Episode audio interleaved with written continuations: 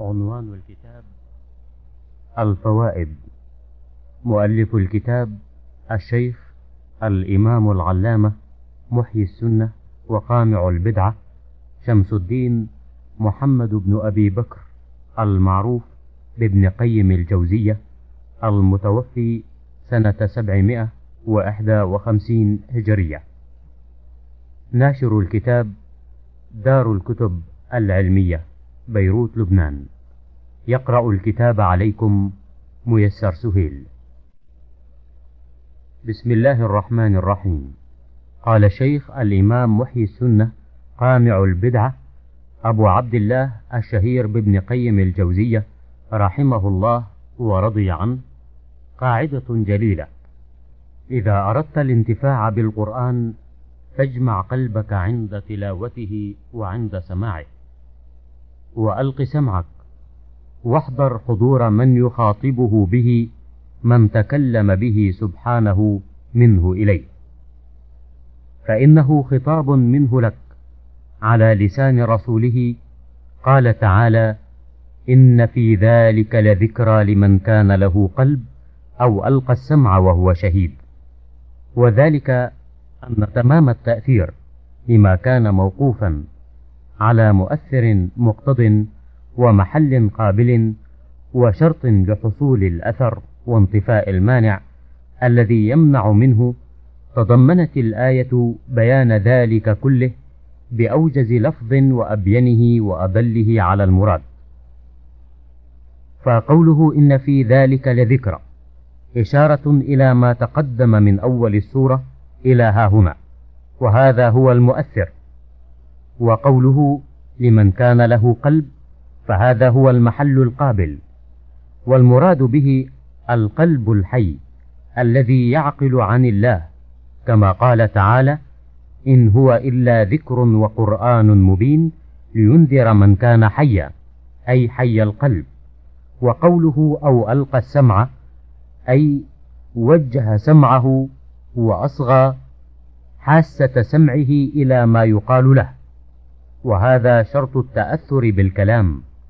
وقوله وهو شهيد أي شاهد القلب حاضر غير غائب.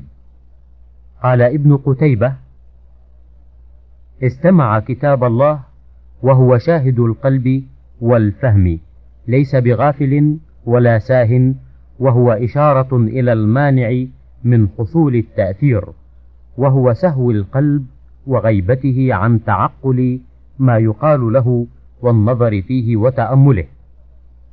فإذا حصل المؤثر وهو القرآن والمحل القابل وهو القلب الحي ووجد الشرط وهو الإصغاء وانتفى المانع وهو اشتغال القلب وذهوله عن معنى الخطاب وانصرافه عنه إلى شيء آخر حصل الأثر وهو الانتفاع والتذكر.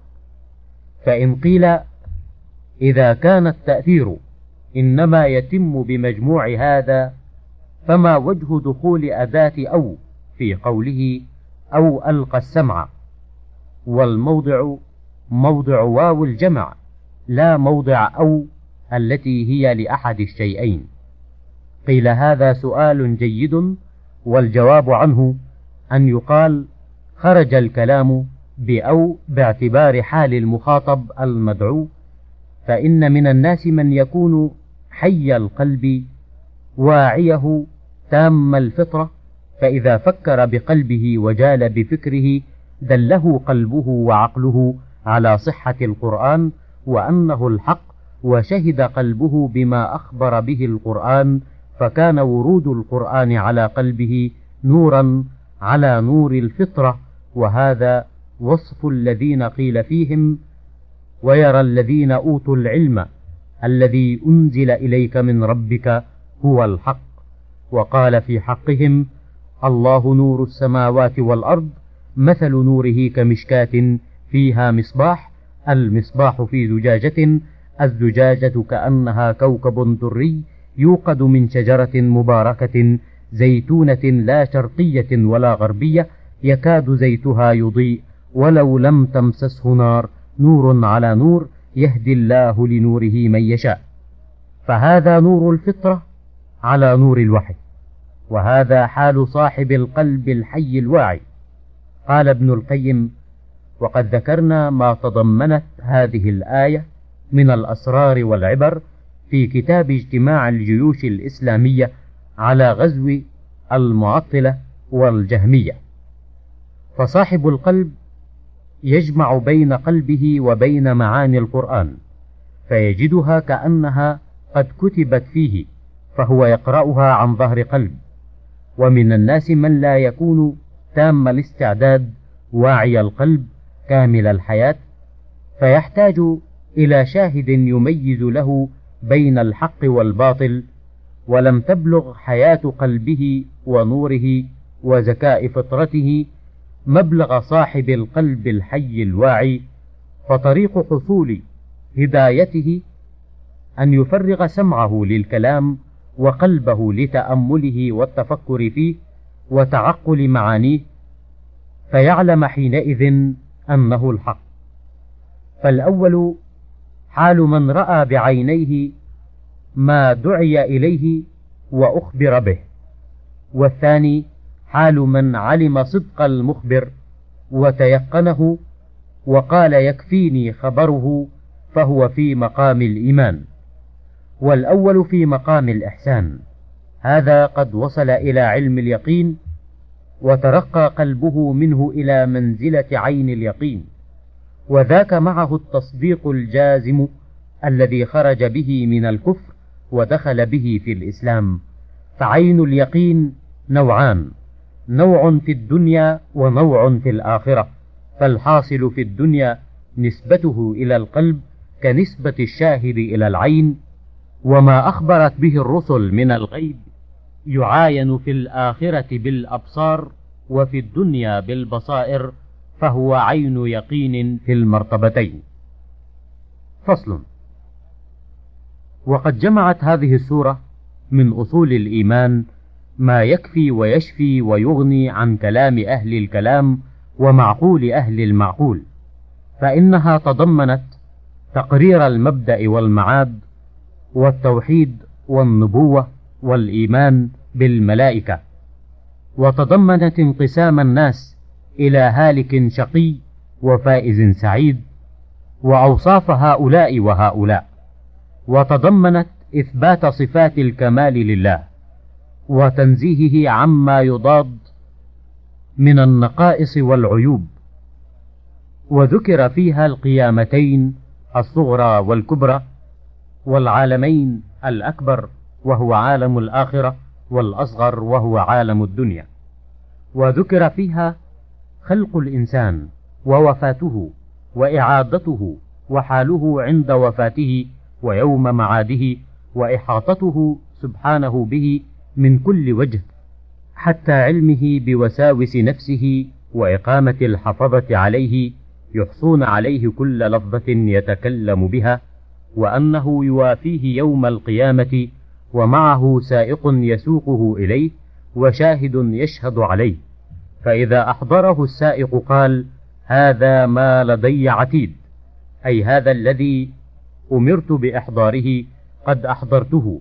فيقال عند إحضاره ألقيا في جهنم كل كفار عنيد. كما يحضر الجاني إلى حضرة السلطان فيقال هذا فلان قد أحضرته فيقول اذهبوا به إلى السجن وعاقبوه بما يستحقه. وتأمل كيف دلت السورة صريحا على أن الله سبحانه يعيد هذا الجسد بعينه الذي أطاع وعصى فينعمه ويعذبه كما ينعم الروح التي آمنت بعينها ويعذب التي كفرت بعينها لا أنه سبحانه يخلق روحا أخرى غير هذه فينعمها ويعذبها. كما قاله من لم يعرف المعاب الذي أخبرت به الرسل حيث زعم أن الله سبحانه يخلق بدنا غير هذا البدن من كل وجه عليه يقع النعيم والعذاب والروح عنده عرض من أعراض البدن. فيخلق روحا غير هذه الروح وبدنا غير هذا البدن. وهذا غير ما اتفقت عليه الرسل ودل عليه القرآن والسنة وسائر كتب الله تعالى. وهذا في الحقيقة إنكار للمعاد وموافقة لقول من أنكره من المكذبين. فإنهم لم ينكروا قدرة الله على خلق أجسام أخر غير هذه الأجسام يعذبها وينعمها كيف وهم يشهدون النوع الإنساني؟ يخلق شيئا بعد شيء. فكل وقت يخلق الله سبحانه أجساما وأرواحا غير الأجسام التي فنيت. فكيف يتعجبون من شيء يشاهدونه عيانا وإنما تعجبوا من عودهم بأعيانهم بعد أن مزقهم البلا وصاروا عظاما ورفاتا فتعجبوا أن يكونوا هم بأعيانهم مبعوثين للجزاء. ولهذا قالوا أإذا متنا وكنا ترابا وعظاما أئنا لمبعوثون؟ وقالوا ذلك رجع بعيد. ولو كان الجزاء إنما هو لأجسام غير هذه لم يكن ذلك بعثا ولا رجعا. بل يكون ابتداء ولم يكن لقوله قد علمنا ما تنقص الأرض منهم. كبير معنى فإنه سبحانه جعل هذا جوابا لسؤال مقدر وهو أنه يميز تلك الأجزاء التي اختلطت بالأرض واستحالت إلى عناصر بحيث لا تتميز فأخبر سبحانه أنه قد علم ما تنقصه الأرض من لحومهم وعظامهم وأشعارهم وأنه كما هو عالم بتلك الأجزاء فهو قادر على تحصيلها وجمعها بعد تفرقها وتأليفها خلقا جديدا وهو سبحانه يقرر المعاد بذكر كمال علمه وكمال قدرته وكمال حكمته فإن شبه المنكرين له كلها تعود إلى ثلاثة أنواع. أحدها اختلاط أجزائهم بأجزاء الأرض على وجه لا يتميز ولا يحصل معها تمييز شخص عن شخص. الثاني أن القدرة لا تتعلق بذلك. الثالث أن ذلك أمر لا فائدة فيه أو أن الحكمة اقتضت دوام هذا النوع الإنساني شيئا بعد شيء. هكذا أبدا. كلما مات جيل خلفه جيل آخر. فأما أن يميت النوع الإنساني كله ثم يحييه بعد ذلك فلا حكمة في ذلك. فجاءت براهين المعاد في القرآن مبنية على ثلاثة أصول. أحدها تقرير كمال علم الرب سبحانه كما قال في جواب من قال من يحيي العظام وهي رميم؟ قل يحييها الذي أنشأها أول مرة وهو بكل خلق عليم. وقال وإن الساعة لآتية فاصفح الصفح الجميل إن ربك هو الخلاق العليم. وقال قد علمنا ما تنقص الأرض منهم. والثاني تقرير كمال قدرته كقوله أوليس الذي خلق السماوات والأرض بقادر على أن يخلق مثلهم؟ بلى. وقوله بلى قادرين على أن نسوي بنانه. وقوله ذلك بأن الله هو الحق وأنه يحيي الموتى وأنه على كل شيء قدير. ويجمع سبحانه بين الأمرين كما في قوله أوليس الذي خلق السماوات والأرض بقادر على أن يخلق مثلهم؟ بلى وهو الخلاق العليم. الثالث كمال حكمته كقوله وما خلقنا السماوات والأرض وما بينهما لاعبين. وقوله وما خلقنا السماء والأرض وما بينهما باطلا. وقوله أيحسب الإنسان أن يترك سدى؟ وقوله أفحسبتم أنما خلقناكم عبثا وأنكم إلينا لا ترجعون فتعالى الله الملك الحق. وقوله أم حسب الذين اجترحوا السيئات أن نجعلهم كالذين آمنوا وعملوا الصالحات؟ الآية الكريمة. ولهذا كان الصواب أن المعاد معلوم بالعقل مع الشرع. وأن كمال الرب تعالى وكمال أسمائه وصفاته تقتضيه وتوجبه وأنه منزه عما يقوله منكروه كما ينزه كماله عن سائر العيوب والنقائص. ثم أخبر سبحانه أن المنكرين لذلك لما كذبوا بالحق اختلط عليهم أمرهم فهم في أمر مريج مختلط.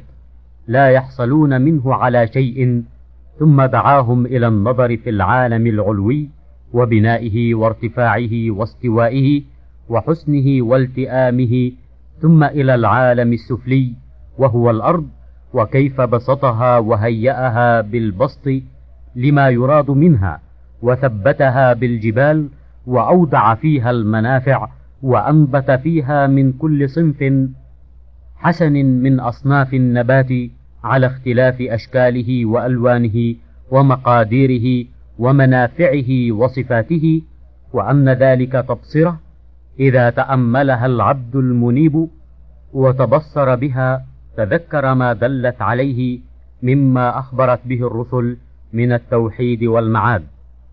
فالناظر فيها يتبصر أولا ثم يتذكر ثانيا. وإن هذا لا يحصل إلا لعبد منيب إلى الله بقلبه وجوارحه. ثم دعاهم إلى التفكر في مادة أرزاقهم وأقواتهم وملابسهم ومراكبهم وجناتهم وهو الماء الذي أنزله من السماء وبارك فيه حتى أنبت به جنات مختلفة الثمار والفواكه ما بين أبيض وأسود وأحمر وأصفر وحلو وحامض وبين ذلك مع اختلاف منافعها وتنوع أجناسها وأنبت به الحبوب كلها على تنوعها واختلاف منافعها وصفاتها وأشكالها ومقادرها ثم أفرد النخل لما فيه من موضع العبرة والدلالة التي لا تخفى على المتأمل وأحيا به الأرض بعد موتها. ثم قال كذلك الخروج أي مثل هذا الإخراج من الأرض والفواكه والثمار والأقوات والحبوب خروجكم من الأرض بعدما غيبتم فيها. وقد ذكرنا هذا القياس وأمثاله من المقاييس الواقعة في القرآن في كتابنا المعالم وبينا بعض ما فيها من الأسرار والعبر.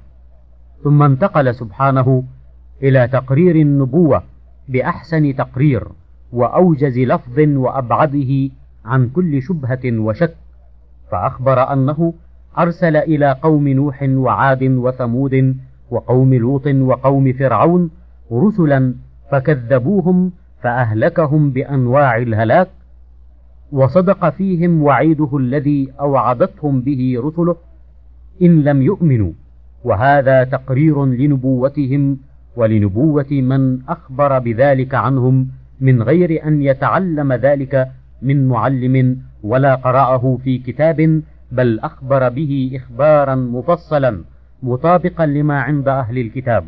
ولا يرد على هذا إلا سؤال البهت والمكابرة على جحد الضروريات بأنه لم يكن شيء من ذلك أو أن حوادث الدهر ونكباته أصابتهم كما أصابت غيرهم وصاحب هذا السؤال يعلم من نفسه أنه باهت مباهت جاحد لما شهد به العيان وتناقلته القرون قرنا بعد قرن فإنكاره بمنزلة إنكار وجود المشهورين من الملوك والعلماء والبلاد النائية. ثم عاد سبحانه إلى تقرير المعاد بقوله أفعيينا بالخلق الأول يقال لكل من عجز عن شيء عي به وعي فلان بهذا الأمر. قال الشاعر عيوا بأمرهم كما عيت ببيضتها الحمامة. ومنه قوله تعالى ولم يعي بخلقهن. قال ابن عباس يريد أفعجزنا؟ وكذلك قال مقاتل قلت هذا تفسير بلازم اللفظة وحقيقتها أعم من ذلك فإن العرب تقول أعياني أن أعرف كذا وعييت به إذا لم تهتدي لوجهه ولم تقدر على معرفته وتحصيله. فتقول أعياني دواؤك إذا لم تهتدي له ولم تقف عليه ولازم هذا المعنى العجز عنه. والبيت الذي استشهدوا به شاهد لهذا المعنى. فإن الحمامة لم تعجز عن بيضتها ولكن أعياها إذا أرادت أن تبيض أين ترمي بالبيضة؟ فهي تدور وتجول حتى ترمي بها.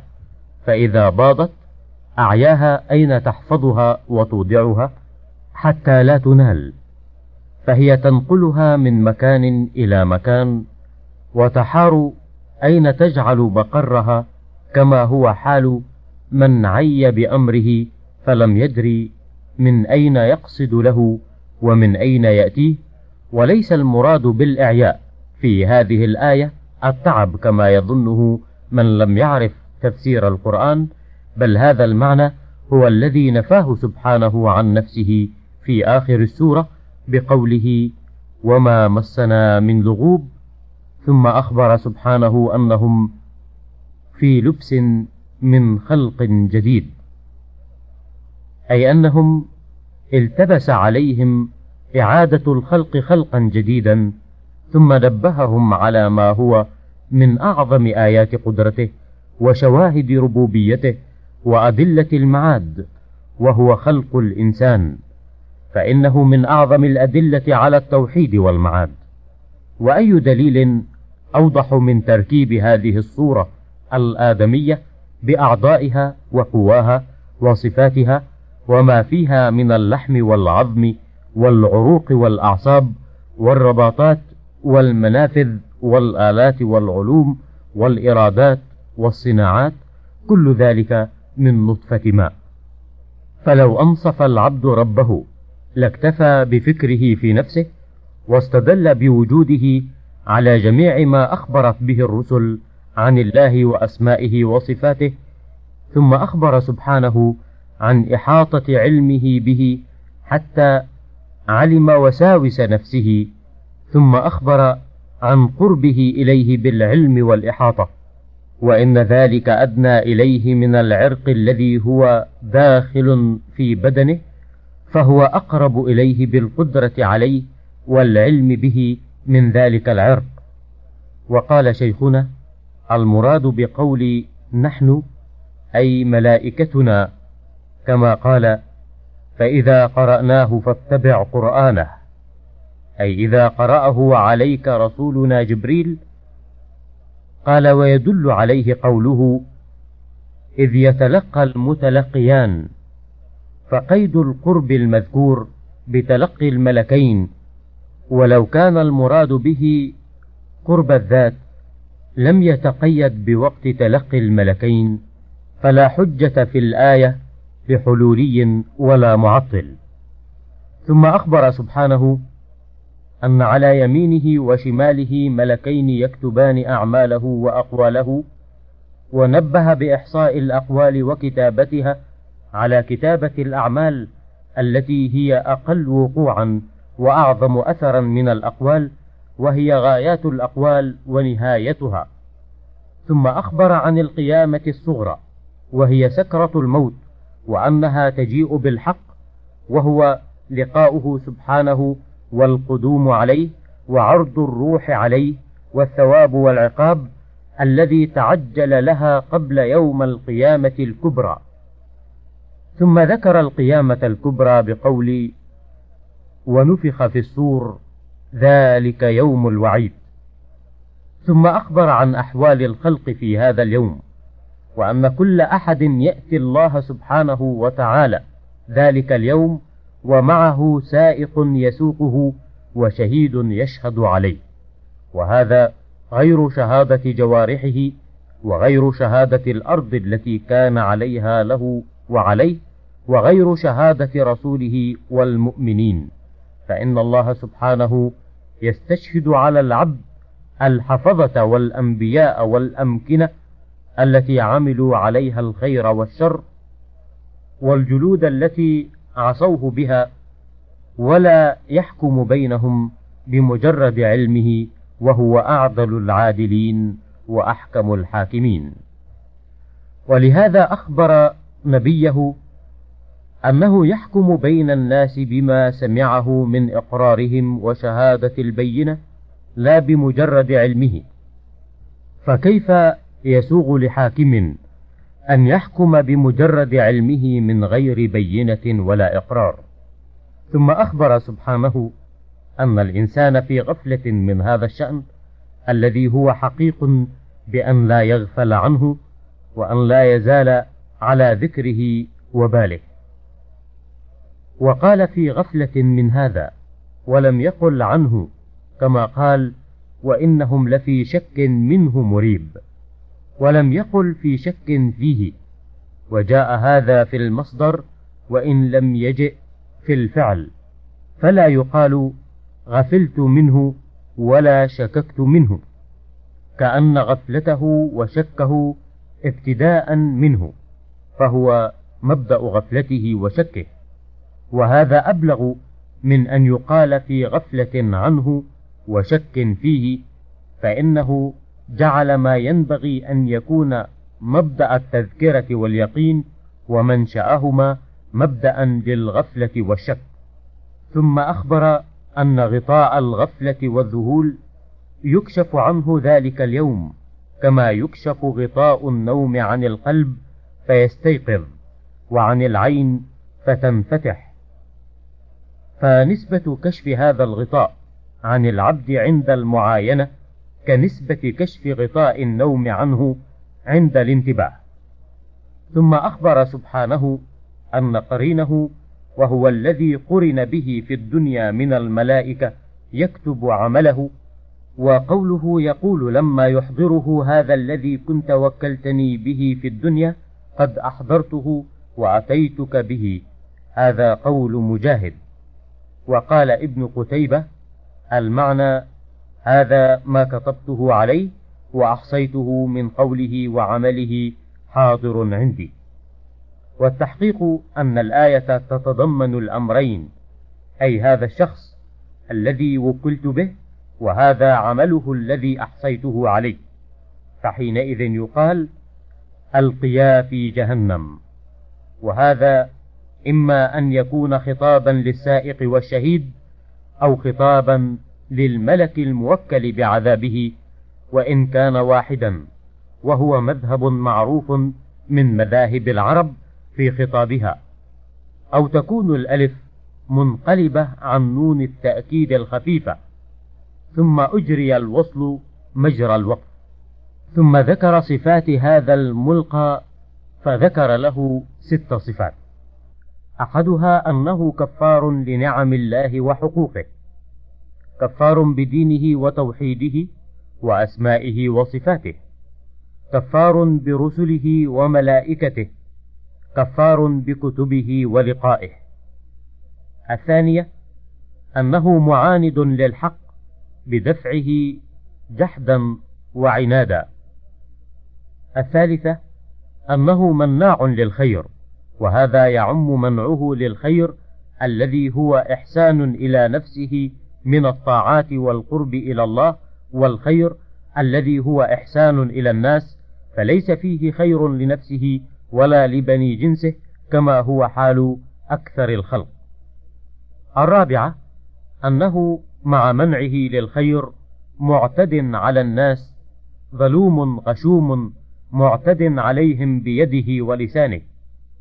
الخامسة أنه مريب أي صاحب ريب وشك ومع هذا فهو آت بكل ريبة يقال فلان مريب إذا كان صاحب ريبة. السادسة أنه مع ذلك مشرك بالله قد اتخذ مع الله إلها آخر يعبده ويحبه ويغضب له ويرضى له ويحلف باسمه وينظر له ويوالي فيه ويعادي فيه فيختصم هو وقرينه من الشياطين ويحيل الأمر عليه وإنه هو الذي أطغاه وأضله. فيقول قرينه لم يكن لي قوة أن أضله وأطغيه ولكن كان في ضلال بعيد اختاره لنفسه وآثره على الحق كما قال إبليس لأهل النار وما كان لي عليكم من سلطان إلا أن دعوتكم فاستجبتم لي. وعلى هذا فالقرين هنا هو شيطانه يختصمان عند الله. وقالت طائفة بل قرينه ها هنا هو الملك فيدعي عليه أنه زاد عليه فيما كتبه عليه وطغى وأنه لم يفعل ذلك كله. وأنه أعجله بالكتابة عن التوبة ولم يمهله حتى يتوب. فيقول الملك ما زدت في الكتابة على ما عملت ولا أعجلتك عن التوبة ولكن كان في ضلال بعيد. فيقول الرب تعالى لا تختصموا لدي. وقد أخبر سبحانه عن اختصام الكفار والشياطين بين يديه في سورة الصافات والأعراف وأخبر عن اختصام الناس بين يديه في سورة الزمر وأخبر عن اختصام أهل النار فيها في سورة الشعراء وسورة صاد. ثم أخبر سبحانه أنه لا يبدل القول لديه فقيل المراد بذلك قوله لأملأن جهنم من الجنة والناس أجمعين. ووعده لأهل الإيمان بالجنة وأن هذا لا يبدل ولا يخلف. قال ابن عباس يريد ما لوعدي خلف لأهل طاعتي ولا أهل معصيتي. قال مجاهد قد قضيت ما أنا قاض وهذا أصح القولين في الآية. وفيها قول آخر إن المعنى ما يغير القول عندي بالكذب والتلبيس كما يغير عند الملوك والحكام. فيكون المراد بالقول قول المختصمين وهو اختيار الفراء وابن قتيبة. قال الفراء المعنى ما يكذب عندي لعلمي بالغيب. وقال ابن قتيبة أي ما يحرف القول عندي ولا يزاد فيه ولا ينقص. قال لأنه قال القول عندي ولم يقل قولي. وهذا كما يقال لا يكذب عندي. فعلى القول الأول يكون قوله وما أنا بظلام للعبيد من تمام قوله ما يبدل القول لدي. في المعنى أي ما قلته ووعدت به لا بد من فعله. ومع هذا فهو عدل لا ظلم فيه ولا جور. وعلى الثاني يكون قد وصف نفسه بأمرين. أحدهما أن كمال علمه واطلاعه يمنع من تبديل القول بين يديه وترويج الباطل عليه وكمال عدله وغناه يمنع من ظلمه لعبيده. ثم أخبر عن سعة جهنم وأنها كلما ألقي فيها تقول هل من مزيد. وأخطأ من قال إن ذلك للنفي أي ليس من مزيد والحديث الصحيح يرد هذا التأويل. ثم أخبر عن تقريب الجنة من المتقين وأن أهلها هم الذين اتصفوا بهذه الصفات الأربع. أحداها أن يكون أوابا أي رجاعا إلى الله من معصيته إلى طاعته ومن الغفلة عنه إلى ذكره. قال عبيد ابن عمير الأواب الذي يتذكر ذنوبه ثم يستغفر منها. وقال مجاهد هو الذي إذا ذكر بذنبه في الخلاء استغفر منه. وقال سعيد بن المسيب هو الذي يذنب ثم يتوب ثم يذنب ثم يتوب. الثانية أن يكون حفيظا. قال ابن عباس لما ائتمنه الله عليه وافترضه. وقال قتادة حافظ لما استودعه الله من حقه ونعمته.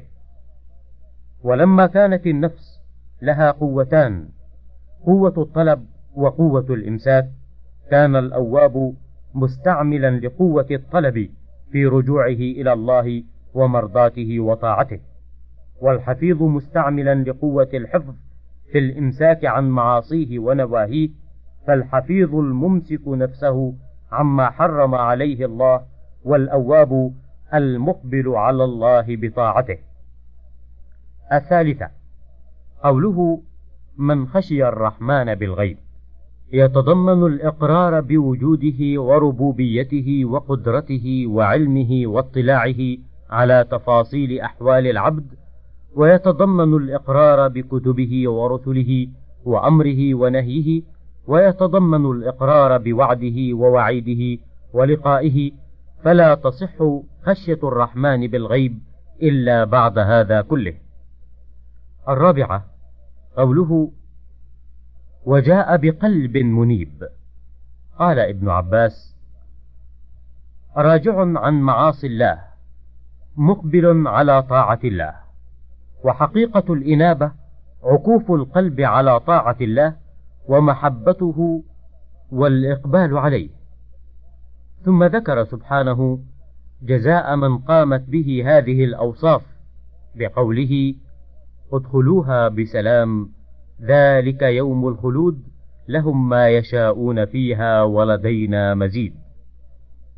ثم خوفهم بأن يصيبهم من الهلاك ما أصاب من قبلهم وأنهم كانوا أشد منهم بطشا ولم يدفع عنهم الهلاك شدة بطشهم وأنهم عند الهلاك تقلبوا وطافوا في البلاد وهل يجدون محيصا ومنجا من عذاب الله؟ قال قتادة حاص أعداء الله فوجدوا أمر الله لهم مدركا. وقال الزجاج طوفوا وفتشوا فلم يروا محيصا من الموت. وحقيقة ذلك أنهم طلبوا المهرب من الموت فلم يجدوه. ثم أخبر سبحانه أن في هذا الذي ذكر ذكرى لمن كان له قلب أو ألقى السمع وهو شهيد. ثم أخبر أنه خلق السماوات والأرض وما بينهما في ستة أيام ولم يمسه من تعب ولا إعياء تكذيب لأعدائه من اليهود حيث قالوا إنه استراح في اليوم السابع. ثم أمر نبيه بالتأسي به سبحانه في الصبر على ما يقول أعداؤه فيه كما أنه سبحانه صبر على قول اليهود أنه استراح ولا أحد أصبر على أذى يسمعه منه ثم أمره بما يستعين به على الصبر وهو التسبيح بحمد ربه قبل طلوع الشمس وقبل غروبها وبالليل وأدبار السجود. فقيل هو الوتر وقيل الركعتان بعد المغرب. والأول قول ابن عباس والثاني قول عمر وعلي وأبي هريرة والحسن بن علي وإحدى الروايتين عن ابن عباس. وعن ابن عباس رواية ثالثة أنه التسبيح باللسان أدبار الصلاة المكتوبة. ثم ختم السورة بذكر المعاد ونداء المنادي برجوع الأرواح إلى أجسادها للحشر وأخبر أن هذا النداء من مكان قريب يسمعه كل أحد يوم يسمعون الصيحة بالحق بالبعث ولقاء الله يوم تشقق الأرض عنهم كما تشقق عن النبات فيخرجون سراعا من غير مهلة ولا بطء ذلك حشر يسير عليه سبحانه وتعالى. ثم أخبر سبحانه أنه عالم بما يقول أعداؤه وذلك يتضمن مجازاته لهم بقولهم إذ لم يخف عليه وهو سبحانه يذكر علمه وقدرته لتحقيق الجزاء. ثم أخبره أنه ليس بمسلط عليهم ولا قهار ولا يبعث ليجبرهم على الإسلام ويكرههم عليه. وأمره أن يذكر بكلامه من يخاف وعيده فهو الذي ينتفع بالتذكير. وأما من لا يؤمن بلقائه ولا يخاف وعيده ولا يرجو ثوابه فلا ينتفع بالتذكير. فائدة قول النبي صلى الله عليه وسلم لعمر وما يدريك أن الله اطلع على أهل بدر فقال اعملوا ما شئتم فقد غفرت لكم أشكل على كثير من الناس معناه فإن ظاهره إباحة كل الأعمال لهم وتخييرهم فيما شاءوا منها وذلك ممتنع. فقالت طائفة منهم ابن الجوزي ليس المراد من قوله اعملوا الاستقبال وإنما هو للماضي وتقديره أي عمل كان لكم فقد غفرته. قال ويدل على ذلك شيئان أحدهما أنه لو كان للمستقبل كان جوابه قوله فسأغفر لكم والثاني أنه كان يكون إطلاقا في الذنوب ولا وجه لذلك. وحقيقة هذا الجواب أني قد غفرت لكم بهذه الغزوة ما سلف من ذنوبكم لكنه ضعيف من وجهين. أحدهما أن لفظ اعملوا يأباه. فإنه للاستقبال دون الماضي وقوله قد غفرت لكم لا يوجب أن يكون اعملوا مثله فإن قوله قد غفرت تحقيق لوقوع المغفرة في المستقبل. كقوله أتى أمر الله وجاء ربك ونظائره. الثاني أن نفس الحديث يرده فإن سببه قصة حاطب وتجسسه على النبي صلى الله عليه وسلم وذلك ذنب واقع بعد غزوة بدر لا قبلها وهو سبب الحديث فهو مراد منه قطعا.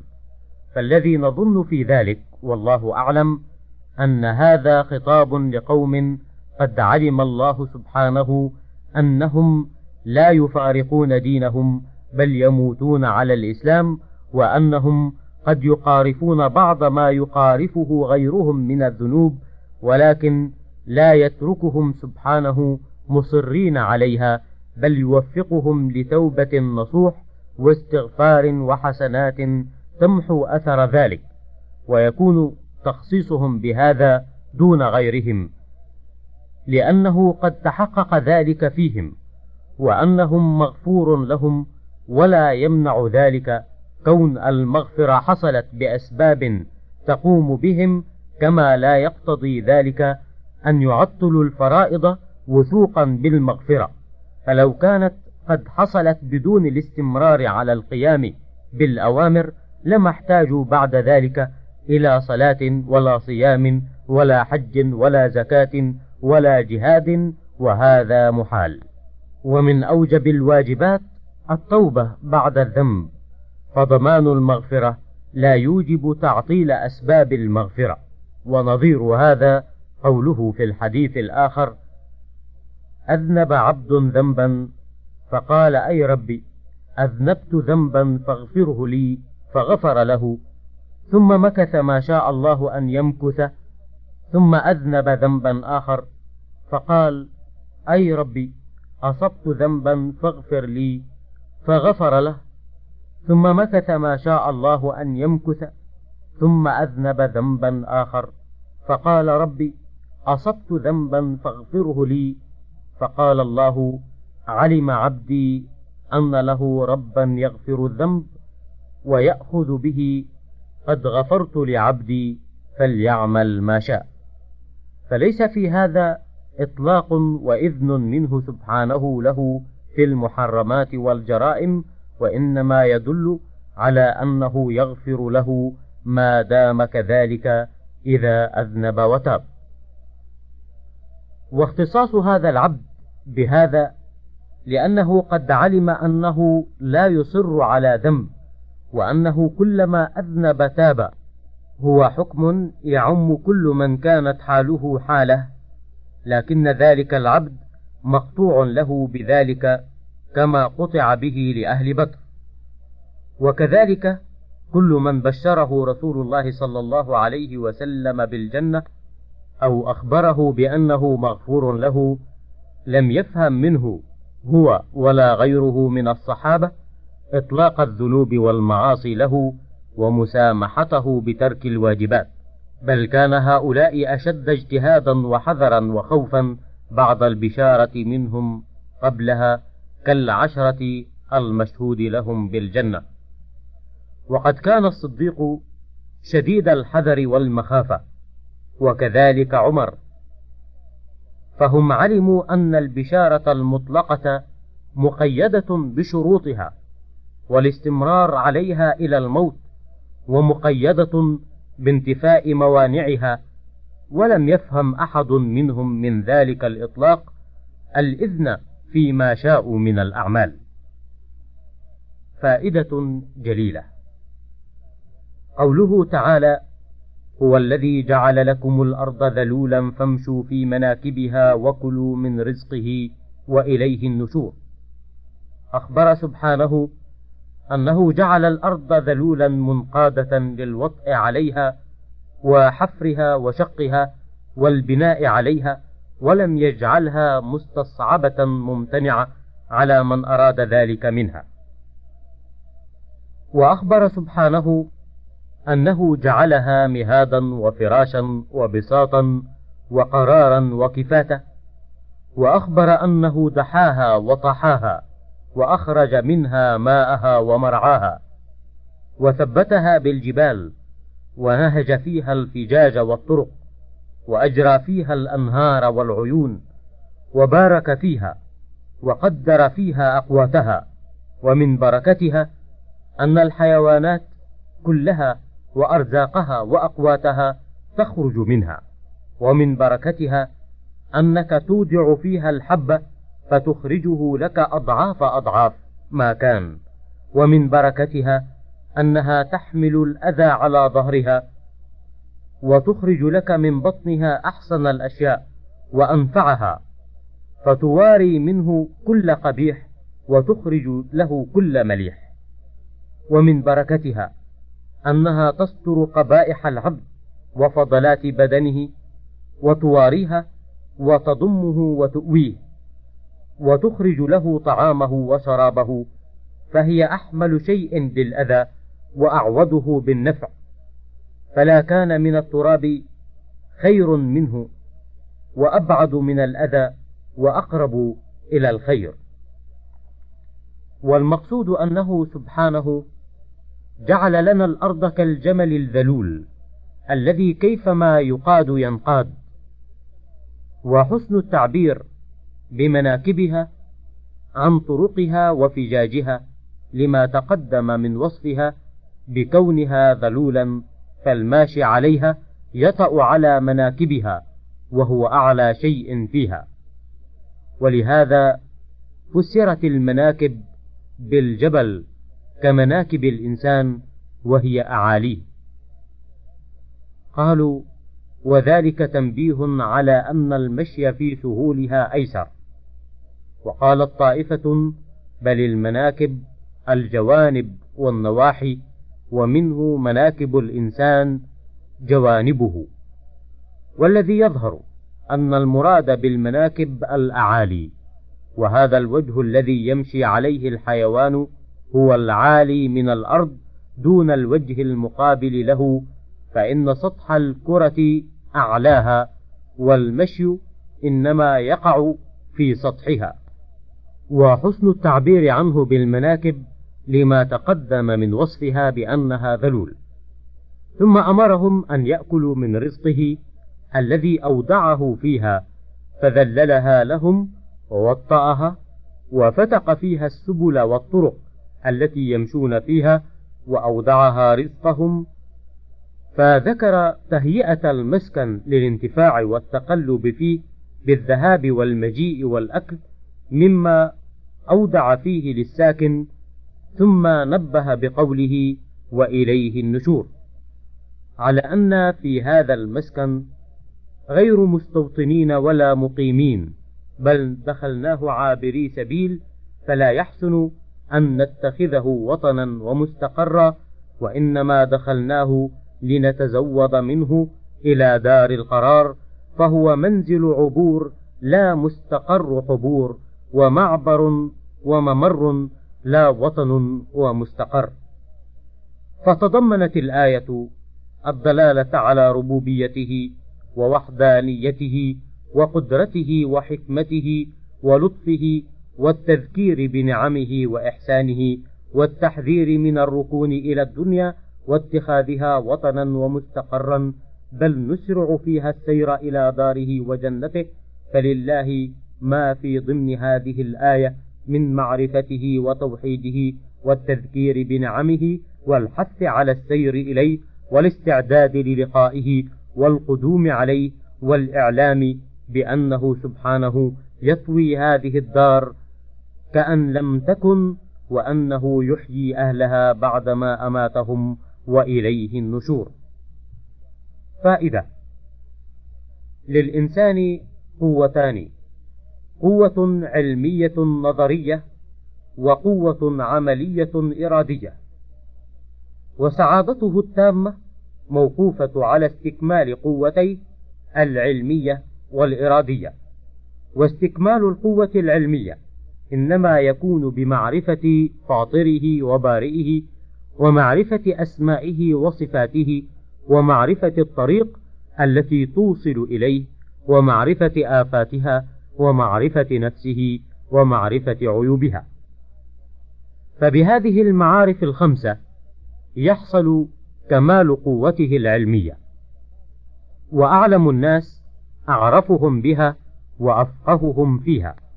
واستكمال القوة العملية الإرادية لا تحصل إلا بمراعاة حقوقه سبحانه على العبد والقيام بها إخلاصا وصدقا ونصحا وإحسانا ومتابعة وشهودا لمنته عليه وتقصيره هو في أداء حقه فهو مستحي من مواجهته بتلك الخدمة لعلمه أنها دون ما يستحقه عليه ودون دون ذلك وأنه لا سبيل له إلى استكمال هاتين القوتين إلا بمعونته فهو مضطر إلى أن يهديه الصراط المستقيم الذي هدى إليه أولياءه وخاصته وأن يجنبه الخروج عن ذلك الصراط إما بفساد في قوته العلمية فيقع في الضلال وإما في قوته العملية فيوجب له الغضب.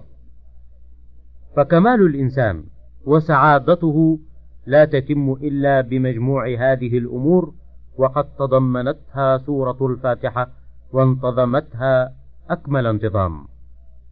فإن قوله الحمد لله رب العالمين الرحمن الرحيم مالك يوم الدين يتضمن الأصل الأول وهو معرفة الرب تعالى ومعرفة أسمائه وصفاته وأفعاله.